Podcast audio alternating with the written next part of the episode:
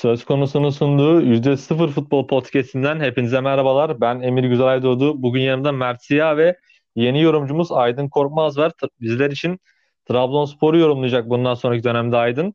Beyler öncelikle ikinize de hoş geldin diyorum. Hoş, hoş bulduk.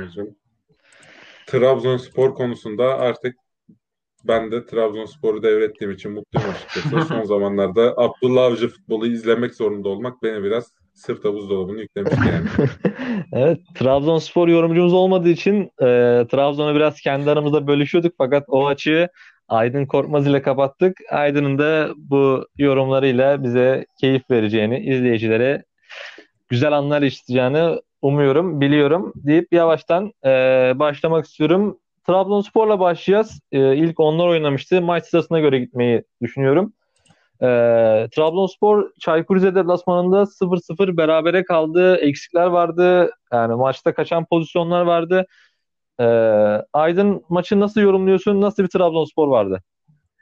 Yani öncelikle dediğin gibi e, Vakame ile Kuba'nın olmaması çok büyük eksik gerçekten Trabzonspor için. Zaten hücumumuzun %90'ını oluşturuyor bu iki oyuncu.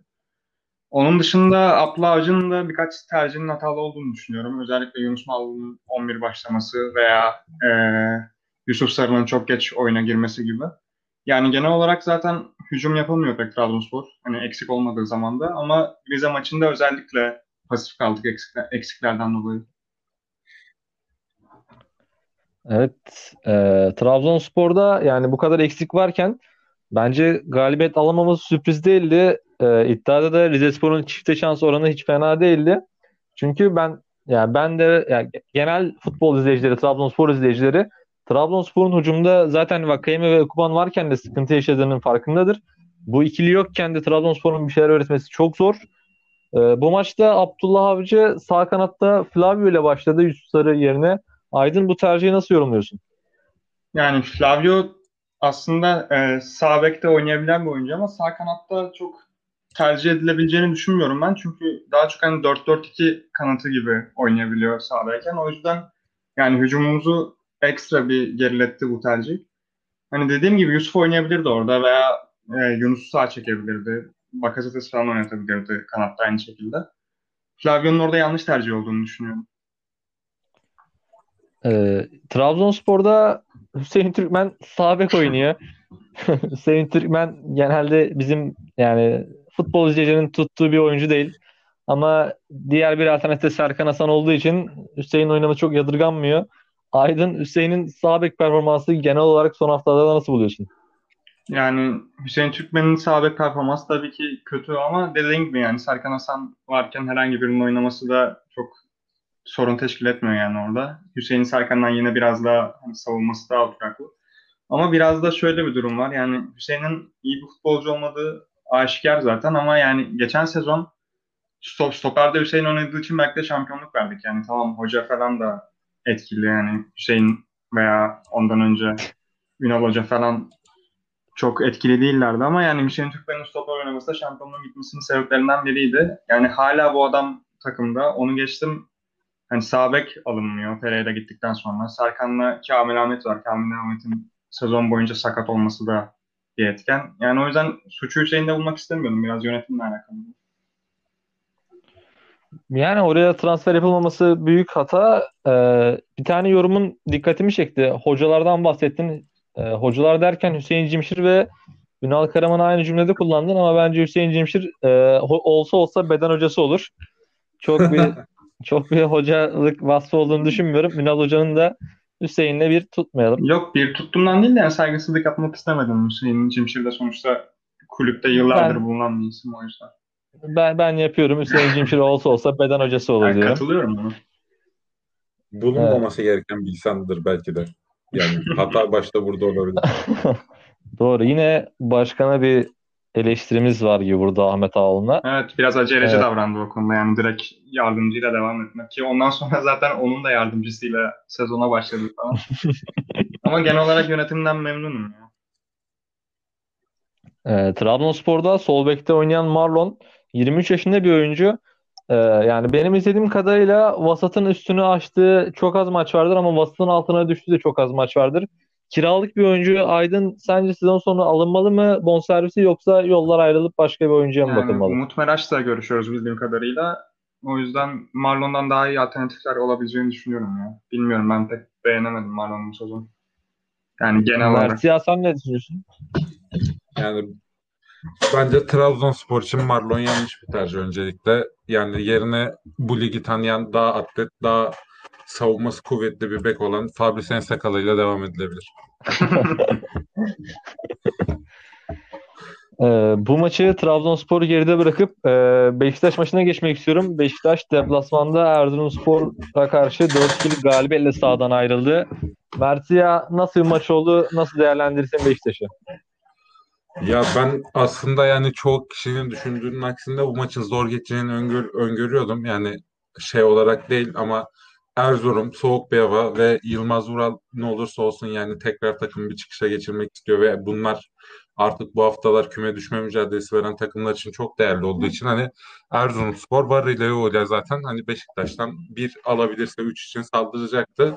Ki bunu da gördük. Erzurumsporlu oyuncular Beşiktaşlardan daha çok çabaladı genel olarak. Beşiktaş'ta özellikle Josef Atiba'nın yokluğu oyuna çok yansıdı. O bildiğimiz Beşiktaş'ın herkes tarafından takdir gören oyunu. Bu iki oyuncunun aslında ve ek olarak da Gezer'in temel taşını oluşturduğu bir oyun. Yani oradan yerine uzun zamandır maç oynamayan ve Josef'le tamamen farklı profilde olan Dorukan olması ve Abu Bakar yerine de Cenk Tosun tercih.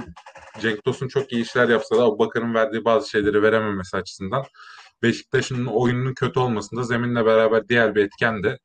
Yani Erzurumspor yetenek kapasitesi gerçekten inanılmaz kısıtlı, bayağı kısıtlı bir takım. Bu yüzden zaten hani başka herhangi bir ligimizdeki takım olsaydı Beşiktaş çok daha farklı bir skorla dönebilirdi. 2-2 zaten Ersin sağ olsun. Gerçi orada Ersin'den önce ikinci golde Beşiktaş'ın ikinci golünde Zumski'yi de almak lazım. Yani benden kötü gol yiyen olmaz dedi ve Ersin yedi. Teşekkür ediyoruz. Onun dışında Beşiktaş ikinci yarıya da tutuk başlamıştı ki Gezer'in gerçekten tamamen bireysel becerisiyle at, atılan golden sonra düğün biraz daha çözüldü. Peki golün Gökhan... başı? Ya golün, golün başında yani bir el var ama sonuçta kardeşim rakibe geçiyor top yani VAR'ın devreye girebileceği bir şey değil. Bir kural hatası yok ama tabii böyle pozisyonlar galibiyetlerimize gölge düşürmezse daha mutlu olurum. Aleyce'nin bir yorumu vardı bu hafta içinde. Ee, Gezal tarihimizin en iyi sağ kanadı demişti. Katılıyor musun bu yoruma? Ee, bu yoruma katılıyor muyum? Yani bu sezon itibariyle tek sezonluk performans olarak muhtemelen öyledir. Şu anda genel bir değerlendirme yapamadım açıkçası kafamda. Da eşit en... çok yüksek değil yani bu takımın sağ kanadında Hilbert oynadı. Sağ bekte sonra çok daha başarılı olduğunu gördük. Quaresma topuna hiç girmek istemiyorum. Hiç gerek yok yani 5 kişi dinliyor 4'ü linç edecek. ben çok Ensakala, memnunum inşallah kalır. Ensakala haftalardır formayı Rıdvan'a vermiyor. Ee, geçen hafta fena olmasa da bu hafta yine çok iyi bir izlenim vermedi. Yani Rıdvan bu takımda niye kesik yedi? Niye 3 lira almıyor? Yani nasıl yorumluyorsun bu tercihi? Ee, öncelikle ifadendeki bir yanlışlığı üzülerek düzeltmek isterim. En sakala Rıdvan'dan formayı almadı. Sergen babası En Sakal'a formayı ısrarla vermeye devam ediyor. Hayır kupa maçında vermedi. Derbiye saklıyor dedik. Derbide vermedi. Büyük maçı kaldıramaz diye mi düşündü dedik. Dedik dedik dedik. Haftalardır En Sakal oynuyor. En azından rotasyon amaçlı olsun yine Rıdvan değerlendirilmiyor. Bilmiyorum yani hoca neyi şey oluyor burada görüyor En Sakal'ın Rıdvan'dan fazlasını ama bana göre Rıdvan'ın hücumda yaratacağı potansiyel aksiyonlar çok daha değerli olabilir Beşiktaş'ın. Özellikle bu yaratıcılık sıkıntısı çektiği dönemlerde. Geçen bahsedemediğimiz Kasımpaşa maçı özelinde mesela daha mantıklı bir tercih olabilirdi. Yani En Sakal da bizim oyuncumuz hala maalesef kötü bir şey demek istemiyorum ama Rıdvan sanki biraz önü kesiliyor gibi. Tabii antrenman performansları vesaire etkendir bunda ama ben doğru bulmuyorum. Ya Rıdvan aslında büyük maçlarda kötü diye bir algı yani oynamaması gerekiyor gibi algı var ama 4-3'lük Fenerbahçe maçında Rıdvan Pelkas'ı kitlemişti ve gayet iyi oynamıştı o maçta. Yani Beşiktaş 10, 10 kişi kalmasa e, daha fazla maça etki edebilirdi büyük ihtimal o maçta da. Yani Rıdvan'ın böyle bir sıkıntısı olduğunu düşünmüyorum. Bu tercihin de çok ilginç olduğunu ve mantığa sığmadığını düşünüyorum. E, Beşiktaş'ta Cenk sakatlandı. Abubakar sakat. E, Larin forvet, Enkudu sol kanat göreceğiz gibi yani. Ama senin tercihin nasıl olur Aydın? Yani Gökhan Töre mi, Enkudu mu yoksa Laiç kanat mı? Yani Larin'e forvet oynayacak kesin artık. Kanatlarda tercihin nasıl olur? Ee, yani Enkudu tercih edeceğim bir oyuncu değil benim. Hiçbir koşulda mecbur kalmadığım sürece. Ama Gökhan Tören'in de yani sakatlık riski çok yüksek olan bir oyuncu. O yüzden bilmiyorum 90 dakika kaldırabilir mi, kaldıramaz mı? Yani Larin dediğin gibi santrafor oynayacak zaten. Sağ kanatta Gezal oynuyor zaten. Sol kanatta Gökhan'la başlanabilir diye düşünüyorum. Mert Siyah? Yani ben aslında Abubakar'ın dönmesini umut ediyorum. Böyle yani herhangi bir dua, ayin, mum vesaire yaksan da olur. Gerçekten Larin'in sol kanattan milimetre kıpırdamaması gerekiyor. Bunu özellikle Kasımpaşa maçında gördük. Ondan sonra merkeze geçtiği zaman da oyun kopmasaydı yine daha büyük şekilde görürdük diye düşünüyorum. Larin merkez forvette çok etkisiz bir oyuncu.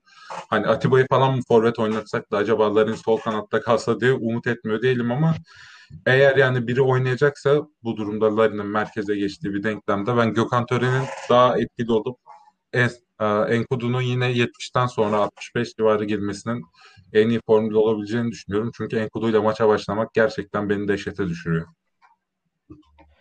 Yunan basının bugün bir haberi vardı. Younes Belhanda Beşiktaş'ta adı anılıyor, geçiyor diye. Yani Beşiktaş'ın ilgisi varmış Belhanda'ya. Mert Ziya'nın bu konuda görüşlerini ve Belhanda aşkını biliyorum. Aydın sen bu transferi nasıl yorumluyorsun? Olursa nasıl olur? Ya ben Belhanda'yı genel olarak beğeniyorum. Yani iyi bir futbolcu olduğunu düşünüyorum. Ama disiplinsiz olması ve yani şu anki ortama zarar verebileceğini düşünüyorum yani. Beşiktaş'taki ortama. Çünkü gerçekten iyi bir hava yakalayan takımla. Gelecek sezonda Belhanda yerine daha yani değerli oyuncular alınabilir diye düşünüyorum. Oo, çok kritik. Mert Ziya sen ne düşünüyorsun? Ee, yani Belhanda hakkında söylenen bu asılsız iddiaları kınıyorum. Yani takımında takımında mensah var. O yüzden yani şey yapmak istemiyorum. Belhanda keşke bizim olsa. O zaman Beşiktaş bölümünde burada kapatıp Fenerbahçe maçına geçmek istiyorum. Fenerbahçe evinde yorumları sen yap, ben devralayım biraz daha bu kısmı. öyle Yorum- öyle ilerleyeceğiz yorumcu eksikliğimiz olduğu için burada seni yorumcu olarak konumlandırmak daha doğru olur diye düşünüyorum. Fenerbahçe Emre Evet. Belözoğlu döneminde ilk defa bana göre bu kadar etkili bir oyunla Gaziantep karşısında evinde 3-1 galip geldi. Emir sen maçını nasıl değerlendirirsin? Gördüğün farklılıklar nelerdi Ya bugün bu maçta özellikle takım olarak?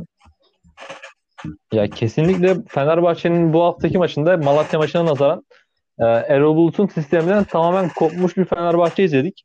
Malatya maçında sanki Erol Bulut'un ruhu sahada gibiydi. Yani daha komplike bir futbol vardı sahada. Daha dengeli bir oyun vardı. Fakat Gazişehir maçında Gazişehir iyi bir savunma ve iyi bir hücum takımı olmasına rağmen e, önde basan, sürekli pas yapmaya çalışan bir Fenerbahçe vardı. Ki ilk 11'den de aslında anlayabildik yani Fenerbahçe'nin nasıl oynamak istediğini. Sağ kanatta İrfan Can tercih, sol kanatta Pelkas. Yani 5 tane ofans 5 tane orta saha ile çıkması maça. Yani Gustavo'nun da kesik yemesi yani yan pas Gustavo'nun da kesik yemesi e, nasıl bir oyun oynayacağı konusunda bize aslında bir ön gösterim oldu ilk 11. Ben maçın e, maçtan memnunum özellikle yani Emre Belezoğlu'nun e, bir hafta içinde yani Malatya hatta 3 gün içinde oyun açısından bu kadar etki etmesini beklemiyordum. Savunmada yine sıkıntılarımız vardı. Pozisyonlar verdik. Bir tane bence yani hatalı karar Gazişehir'in iptal edilen golü var.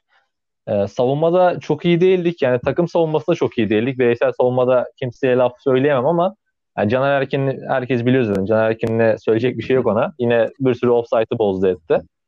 Ama e, Fenerbahçe yani takım savunmasında sıkıntı yaşamasına rağmen yani hücumdaki etkinliğiyle onu örtbas etti bir şekilde. Gazişehir'in de beceriksizliği vardı bazı pozisyonlarda. Ama hücum setleri olarak, hücum planları olarak Fenerbahçe'nin bu sezonki en iyi maçlarından birini izledik. Birçok fazla alternatif vardı. Birçok farklı hücum izledik maçta ki bunun da meyvesini pozisyon olarak aldık. Birçok pozisyona girdik. Ee, Valencia'nın forvet tercihini yani doğru buluyorum. Samatta ve Tiam varken e, yani elde de Valencia varken bu üçlü arasında şu an en yakın formaya Valencia. Çünkü diğer ikisi e, yani seviye olarak değil de şu anki form durumu olarak çok çok de aşağıda. var abi bir de. Ben ya abi sayma oyuna girdi yine bir tane gol kaçırdı. Oyun içi zaten sıfır. Ki o değişik yanlıştı bence. Öne öne geçmeden bir birken o değişikliği Emre Belözoğlu planladı. Gol attık. Gol atmamıza rağmen iptal etmedi değişikliği. Yine de Sisse'yi aldı oyuna. Yine rezalet bir performans sergiledi. Bir tane kontra atakta 3'e 1 pozisyonda pas atamadı. Falan filan. Bir tane gol kaçırdı %100. Yani klasik Sisse. Umarım takımdan kesilir. Kadroya dahi alınmaz. Sezon sonunda yollarımız ayrı ayrılırız diye yorumluyorum. Moderatörümüz resmen futbola susamış bu geçtiğimiz haftalarda. Moderasyon yapmaktan adam gerçekten kötü olmuş. Fut... Burada benim bir sorum olacak. Jose Sosa'yı da yakından tanıyan biri olarak Fenerbahçe bu maçta Sosa'yı gerideki oyun kurucu rolünde oynatıp geriye bu şekilde sağlam almayı, topa daha çok sahip olan bir yapı kurmayı amaçladı. Sosa'nın yaşı ve e, güncel şeye hani duruma e, durumunu göz önünde bulundurursak Sosa'nın ve Ozan Tufan'ın olduğu bir orta saha kurgusuyla Gustavo'nun olduğu bir orta saha kurgusundan sence hangisi daha mantıklı Fenerbahçe'nin geleceği adına? Ya Gustavo'nun son durumdaki formsuzluğu yani sakatlıktan döndükten sonraki formsuzluğu ve isteksizliğinden sonra Sosa yerine İsmail Yüksek de olsa ben İsmail Yüksek'in oynamasını tercih ederim şu an. Yani çünkü Gustavo şu an aşırı isteksiz gözüküyor sahada. Yani bizim bildiğimiz Gustavo gibi değil. Sakatlığın bunda etkisi olabilir tabii ki. Hala sakat da olabilir. Tam ona hakim değilim fakat yani Sosa da şu an e, özellikle Gustavo'ya nazaran fark olarak daha dikine oynayabilen, daha fazla isabetli pas yapabilen bir oyuncu dikine. Fenerbahçe'nin de böyle bir oyuna ihtiyacı var şu an. Yani Gustavo'nun yan paslarını çekemeyiz açıkçası. Ki e, Sosa'nın da bence bu maçtaki pozisyonlara girmemizde yani en başrol diyemem fakat etkisi var. Asistin asisti olayı var ya Belhanda'nın mesela. Sosa da bu maçta onu çok fazla gördük. Gol olmasa da çok fazla asistin asisti pozisyonu oldu Sosa ile ilgili. Yani takımın hücum varyasyonları açısından Sosa kesinlikle Gustavo'dan çok daha önde. Fenerbahçe'nin yani ben bu maçta hücum edeceğim, saldıracağım dediği maçlarda kesinlikle Sosa oynamalı. Yani Gustavo da e, çok eleştirildiği gibi oldu fakat Gustavo benim takımda belki de en çok sevdiğim oyuncudur şu an. E, sezon sonunda ayrılmasına çok sıcak değilim fakat yani bu formsuzluğu, isteksizliği bizim açımızdan çok hayırlı değil. Yani şu anki mevcut durumlara göre Sosa çok daha doğru tercih. Ben burada Aydın'a dönmek istiyorum bir de olarak. Aydın senin Fenerbahçe özelinde ve maç özelinde eklemek istediğin bir şey var mı? Az önceki Sosa sorusu biraz sanaydı aslında ama moderatörümüz biraz Fenerbahçe'de olmuş bugün. Yani e, Emir'e katılıyorum. Sosa'nın özellikle e, 6 numaraya yakın bölgede oynayıp e, oyun kurduğu maçlar çok fazla. Özellikle son 3 sezondur. Ki Trabzonspor'da oyunu tamamen buna evrilmişti zaten. Çünkü yoktu yani 6 numara yoktu takımda. E, onun dışında Ozan Sosa veya e, Ozan Gustavo diye sormuştun. Yani bence sıkıntı Gustavo'dan ziyade Ozan'da o konuda. Çünkü 8 numaraya göre gerçekten hiç teknik bir oyuncu değil. Yani hep en basit pasları seçiyor vesaire. Yani Ozan'ın genel olarak 8'de iyi olmadığını düşünüyorum. O yüzden Sosa Ozan daha iyi olur yani. Gustavo Ozan'dan veya işte Ozan Gustav e, Ozan Sosa'dan. Burada Fenerbahçe ile ilgili benim eklemek istediğim bir şey yok. Ağzınıza sağlık. Çok güzel söylediniz. Son olarak Emre bir de Emre Belözoğlu hakkında soru yöneltti. Fenerbahçe bölümünü kapatalım diyorum. Sence Emre Belözoğlu gerçekten geçici bir teknik direktör gibi sene sonunda görevini de devir etmeli? Yoksa Emre Belözoğlu'nun oynattığı, oynatmak istediği oyun sana umut vaat ediyor. Fenerbahçe taraftarı olarak Emre Belözoğlu'nun bu sistemde neler yapabileceğini, bu kadroyla neler yapabileceğini görmek ister misin ileriki sezonlarda? Şimdi ilk olarak Fenerbahçe bir stajyeri değildir. Emre Belezoğlu'nun gelmesini hoca olarak yanlış buluyorum. Ee, diğer yani sorun asıl amacı da yani sezon sonra devam edilmemeli etmemeli gibi bir soru. Ee, bu da tamamen sonuç odaklı bir şey. Yani Emre'nin bu 10 maçlık geri kalan 10 maçta neler yapacağına bağlı. Ki yani ben çok umutlu değilim. Ee, bir şeyler vaat ederse devam etmeli mi etmemeli bu konuda da karamsarım. Yani ben Emre Belözoğlu'nun yani 10 maçta idare eder bir görüntü sergiledikten sonra sezon sonunda tekrar sözleşme yapılıp işte bu şeyler vaat ediyor. Bununla devam edelim gibi e, düşünceye kapılmaması gerekiyor yönetimin bence. Yani Emre harikalar yaratmadıkça yani takım hem iyi oynayıp hem skorlar almadıkça ben devam edilmesini yanlış bulurum. Yani idare eder veya işte umut vaat ediyor işte fena değil gibi yorumlar sezon sonu devam etmesi için bence yetersiz. Çok daha iyisini yapmalı. Yani çok çok iyi dememiz lazım ki bu kalan maçlar için. Emre ancak öyle devam etmeli. Şu an için kesinlikle hayır. Teşekkür ediyorum. Burada moderatörlüğü tekrar sana evet. devrediyorum. Ben teşekkür ederim. Yani hiç tam tersi beni aratmayı geç. Benden çok daha iyi bu görev üstlendin. 10 numara 5 yıldız moderatörlük oldu. Teşekkür ederim ben senin ağzına. Ee, son takımımız Galatasaray'a geçmek istiyorum. Galatasaray bir puan kaybı daha yaşadı. İç sahada Karagümrük ile bir berabere kaldı. Aydın nasıl bir maç oldu? Nasıl yorumluyorsun Galatasaray'ın bu son yani dönemlerdeki formsuzluğunu? bir şeyler deniyor diyebilirim ya Galatasaray hakkında. Özellikle son 4-5 maçtır. Çünkü yani her maç farklı bir oyun kurgusu, her maç farklı bir 11 ile çıkmaya çalışıyor ve denediği şeylerin de başarısız olduğunu görüyoruz sürekli. Bilmiyorum bir komple değişiklik lazım gibi Galatasaray. Hem e, kadro yapısı olarak hem hoca olarak yönetimin de gitmesi gerektiğini düşünüyorum ki bugün de Mustafa Cengiz'in çok saçma demeçleri oldu. Yani Galatasaray'da bir yapılanma lazım. Evet bence. ona da o demeçlere de birazdan değineceğim. Biraz sağ işini konuşalım. Mustafa Cengiz'in açıklamalarını da not, not aldım buraya. Ee, abi Taylan'ın oynamamasını ben çok mantıksız buluyorum. Yani buraya kadar seni getiren adam Taylan ki sezonunda en iyi 6 numaralarından biri bence. Galatasaray'ın da bu sezonki bu puandaysa şu an Galatasaray. Taylan'ın çok büyük etken olduğunu düşünüyorum. Mert'ya sen Taylan'ın oynamamasını neye bağlıyorsun? E tabi o iyi olduğu için mi Taylan oynamıyor yoksa başka bir ya sebepler olabilir mi orada? Fatih Terim'in oynatmak istediği o oyunda gerçekten ideal bir 6 numara oyuncusuydu Taylan. Aslında kafasında ki 6 numara profiline birebir uydurmuştu kendini. Çünkü bir kanat ve ofansif orta saha oyuncusu olarak gelip kendini çok güzel bu role adapte etmişti. Ama yine Belhanda'nın gidişinden sonra Galatasaray orta sahasında tamamen zaten bir üretim problemi var. Hani tabiri caizse Fegül'ün de olmadığı maçlarda gerçekten bir kabızlık kabızlık durum var. Kanatları da yeterince statik, dinamik olmadığı için Ryan Babel burada kendisi zaten birinci sorumlu. Emre Kılınç'ın da orta sahada yine görmediğimiz durumlarda Belhanda ile beraber olduklarında oldukça dinamik oynuyorlardı. Bu yüzden hocanın planları değişmiş ve hoca yani bu açığı kapatmaya çalışırken Taylan'ı kesmiş olabilir diye düşünüyorum. Başka bir oyun arayışında olduğu için ve oynatmak istediği oyun aslında bu olmayıp ve şu an oynatmaya çalıştığı oyunda bulmaya çalıştığı düzende Taylan'a yer bulamıyor olabilir diye düşünüyorum yani. Ee, bu maçta Mustafa forvet olarak başladı. Falcao'nun da bir sakatlığı vardı Kerem'le çalışması sonucu. Fakat yani ikisinin de sağlıklı olduğunu düşünürsek Aydın sence Mustafa mı tercih edilmeli, Falcao mu tercih edilmeli son dönemlerdeki formlarına yani göre? Ben Falcao'nun tercih edilmesi gerektiğini düşünüyorum. Yani formsuz veya çok fazla sakatlanıyor ama yine de hem bitiricilik olarak hem de genel oyun kalitesi olarak Mustafa'nın çok üstünde olduğunu düşünüyorum. Mustafa'yı pek beğenmiyorum ben. Mert'siye? Yani bence Falcao özellikle önceki maçlarda çok böyle parlak ve istekli gözükmüştü. Yani büyük ihtimal tekrar sakatlanır diye düşünmüştüm ben de. Artık komikleşen yani meme olan bir durumdu bu.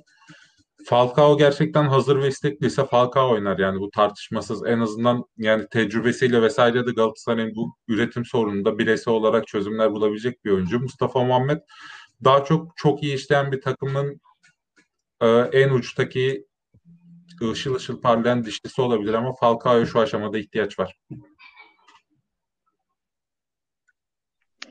Evet biraz da sağ dışına gelmek istiyorum. Mustafa Cengiz'in bugün zehir zemberek açıklamaları vardı. Hem sahadaki oyuncuları hem MYK'ya hem federasyona herkesi topa tuttu. Büyük ihtimal yüklü bir ceza alacak. Sonra da işte niye ceza aldık falan diyecekler. Ee, en kritik açıklaması futbolcular haysiyet ve şereflerini hatırlamalı gibi bir açıklama. Aydın yani sen bu açıklamayı nasıl yorumluyorsun? Haklı olabilir ama bunu ifade etme şekli ve yerinin yanlış olduğunu düşünüyorum. Yani basında böyle bir şey söylemek doğru değil. Onun dışında Mustafa Cengiz hakkında da artık bu işleri bırakıp gerçekten hani sağlığına odaklanması gerektiğini düşünüyorum. Gerçekten hiç iyi Kaju. sağlık olarak da. Evet yani bu açıklama yani ben ben futbolcu olsam Galatasaray'da yani gocunurum, alınırım ve sıkıntı çıkarırım. Mert'ya sen nasıl Ya yorumluyorsun bu açıklamayı? gerçekten hani kendi nezdinde doğru bir açıklama olabilir. Hani bir taraftar olarak herkes takımından bunları bekler ama bir Galatasaray Spor Kulübü Başkanı olarak Galatasaray'ı temsil eden en yüksek kişi olarak bunları basın önünde açıklamak gerçekten doğru değil. Yani bir rahatsızlık varsa bunlar takım içinde konuşulmalı. Bunlar hani dışarı verilecek şeyler değil bence. Yani futbolcuların zaten Belhanda'nın hani kovuluşuyla tabiri caizse ben çok kötü etkilendiklerini düşünüyorum. Buna ek olarak bu şekilde futbolcuları suçlayan açıklamaların devam etmesi de yani özellikle bir de eski futbolda değiliz artık yani. Zaten hem futbolcularımızın çoğu yabancı takımlarımızdaki hem de yani yer, yerli olması da bir şey fark etmiyor. Artık dünyaya daha farklı bakıyorlar. Galatasaray için hani kendimi keserim kafasında oyuncu yok. Bu yüzden bu açıklamalar çok ters tepecektir bence. Yani Mustafa Cengiz biraz eski kafalı bir açıklama yapmış burada. Yani bunlar böyle olacak şeyler değil. Takımın hani bir bütün olması vesaire bu şekilde sağlanacak bir şey değil. Katılıyorum ben de size tamamen. Ee, o zaman gelecek haftanın maçlarına geçmek istiyorum. Kısa kısa yorumlarınızı alıp yavaş yavaş podcast'i sonlandırmak istiyorum. Ee, ilk olarak Beşiktaş sahasında Ankara gücünü ağırlıyor. Beşiktaş'ta Cenk Tosun ve Abubakar'dan yoksun çıkacak bu maçta. Mert'e nasıl bir maç Ya bekliyorsun? Hikmet Tahminin nedir? Hoca gerçekten Ankara gücünde inanılmaz şeyler başarıyor ve beni bu açıdan korkutuyor. Yine Erzurumspor maçını değerlendirirken söylediğim gibi bu dönemde ne kadar biraz Ankara gücü kendini yukarı atmış olsa da kadro açısından diğer takımlardan geride ve ileride de çok puan kaybedeceklerini varsayarsak hala düşme hattında diyebiliriz Ankara gücü için. Ve bu yüzden yine farklı bir motivasyon daha fazla ligin daha önceki maçlarına göre daha fazla bir çabayla çıkacaktır. Beşiktaş'ta da yine Abubakar'ın da büyük ihtimal yetişmeyecek olması, Larin'in merkeze kaydığı bir senaryoda Beşiktaş üretimde çok büyük sorun yaşayacak. Yani kilidi açmak Gezal'e biraz daha oynarsa Oğuzhan'a falan kalacak gibi. Beşiktaş zorlansa da galibiyeti alır diye düşünüyorum. 1-0, 2-1 vesaire. Yani Ankara gücünün özellikle son Aydın? zamanlarda formda olduğunu biliyorum. Yani e, düşme hattındaki takımlar arasında gerçekten bir çıkış yakalamıştı. E, zor bir maç olacak Beşiktaş için ama ben de bir şekilde kazanacağını düşünüyorum Mert gibi. Çünkü yani e, takım hem çok istekli hem de e, bir form yakaladı. Şampiyonluğa doğru gidiyor. Özellikle rakipleri de yani Galatasaray ve Fenerbahçe çok iyi durumda değilken yani bu fırsatı kaçırmayacağını düşünüyorum Beşiktaş'ın. Ben de Beşiktaş'ın galibiyetine daha yakın olsam da bu maçta bir bahis alacak olsam karşılığı gol var bahisinin çok makul olduğunu düşünüyorum. Ee, Trabzonspor Hatayspor maçına geçmek istiyorum. Trabzonspor'da eksikler var. Vakayeme, Ekuban, e, Yunus Ballı ve Hugo bu maçta forma giyemeyecek. Aydın Yani dediğin gibi çok önemli 3 oyuncumuz eksik. Hugo zaten savunmanın bel kemiği tamamen yani Edgar'ın da çok e, tabiri caizse canlı bomba olduğunu söylersek Hugo çok iyi kapatıyor Aman açıklarını. E, Aman hocam. o, yani şimdi muhtemelen Hüseyin oynayacak. Yani veya işte Serkan oynayacak. Hüseyin stoperde oynayacak. Ki onun olmasını hiç istemem. İleride de Ekuban ve Vakame'nin olmadığını düşünürsek e, Hatayspor galibiyetinin yakın olduğunu düşünüyorum ben. Ya Hatayspor'un şu anda ben tekrar kontrol ettiğimde yani 32 maçta 49 puanı var. Tra- yani bir Avrupa hala ucunda çıtırdan kovalayabilirler gibi. Trabzonspor 33 puan, 33 maçta 58 puanlı ama iki takımın da son form durumları inanılmaz kötü. Birisi 5 maçta 4 mağlubiyet aldı Hatayspor. Diğeri de 5 maçta 4 beraberlik bir galibiyetle geliyor. Trabzonspor'da Vitor Hugo'nun eksikliği Aydın'ın dediği gibi çok belirleyici olacak ve Hatayspor'un bu kötü gelişe bir son verme isteği olacaktır tabii ki de. Yani Hatayspor Trabzonspor'u büyük ihtimal tabiri caizse sahada gerçekten bayağı yıpratacak hücum hattı özelinde özellikle. Skoru alabilirlerse Uğurcan'ın büyük ihtimal yani uçup kaçmadığı bir senaryoda ben de Hatayspor'un Trabzonspor karşısında kazanacağını düşünüyorum.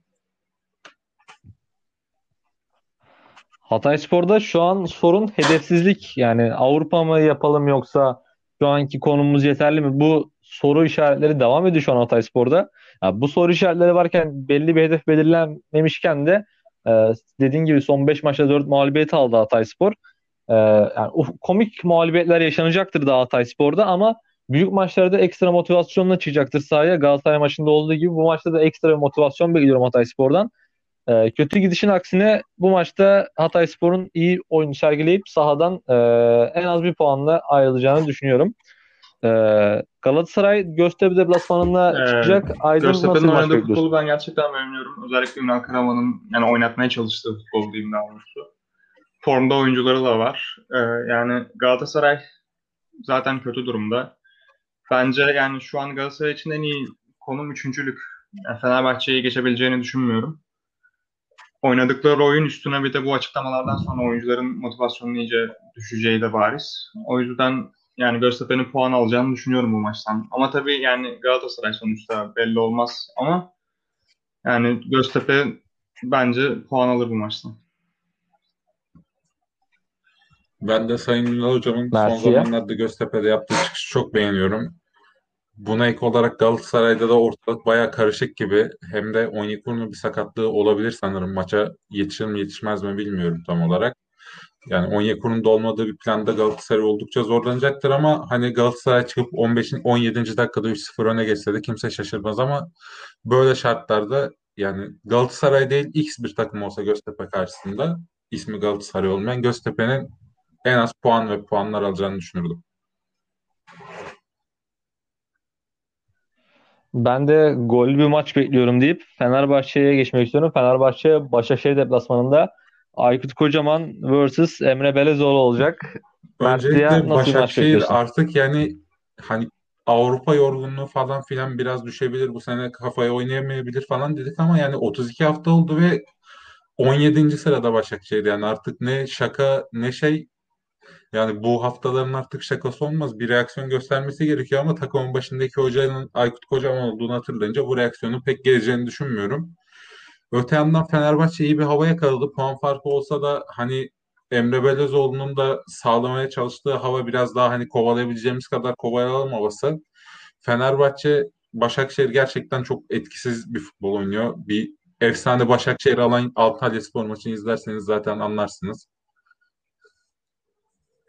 Yani Fenerbahçe Başakşehir'e karşı oyun üstünlüğünü çok net alır ama skor üstünlüğü Aykut Kocaman'ın şansına falan yani 0-0 biterse öpsün başına koysun.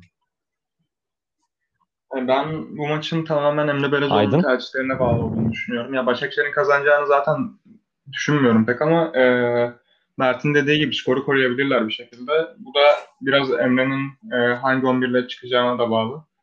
Yani bu maçta özellikle Gustavo'nun oynamaması gerektiğini düşünüyorum. E, Sosa Ozan hatta Sosa Mert Hakan bile olabilir orta sahada. Çünkü e, Fenerbahçe yani yaratıcı oyuncu konusunda biraz sıkıntı yaşıyor bu tarz maçlarda. Yani Pelkas, Sosa ve İrfan'ın da yine e, kanat oynadığı bir durumda Fenerbahçe'nin kazanacağını düşünüyorum.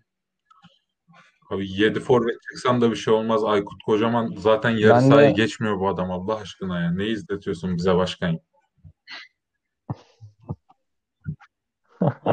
ben de e, Fenerbahçe'nin bu maçı kazanması Emre Belezoğlu ile yolların ayrılması gerektiğini düşünüyorum.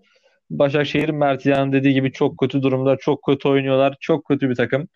Bu Başakşehir'i de yenemiyorsak gerçekten ligi havlu atalım. Dördüncü bitirelim. Galatasaray'ın da Trabzon'un da altında bitirelim bence. Ben kolay bir Fenerbahçe galibiyeti bekliyorum. Gelmezse de büyük sıkıntı çıkarırım deyip yavaş yavaş podcast'i sonlandırmak Biz istiyorum. Beyler ederiz. ikinizin de ağzına sağlık. Teşekkür ederim. Dinleyen 4 kişiye de teşekkürler burada. Görüşürüz. Görüşürüz.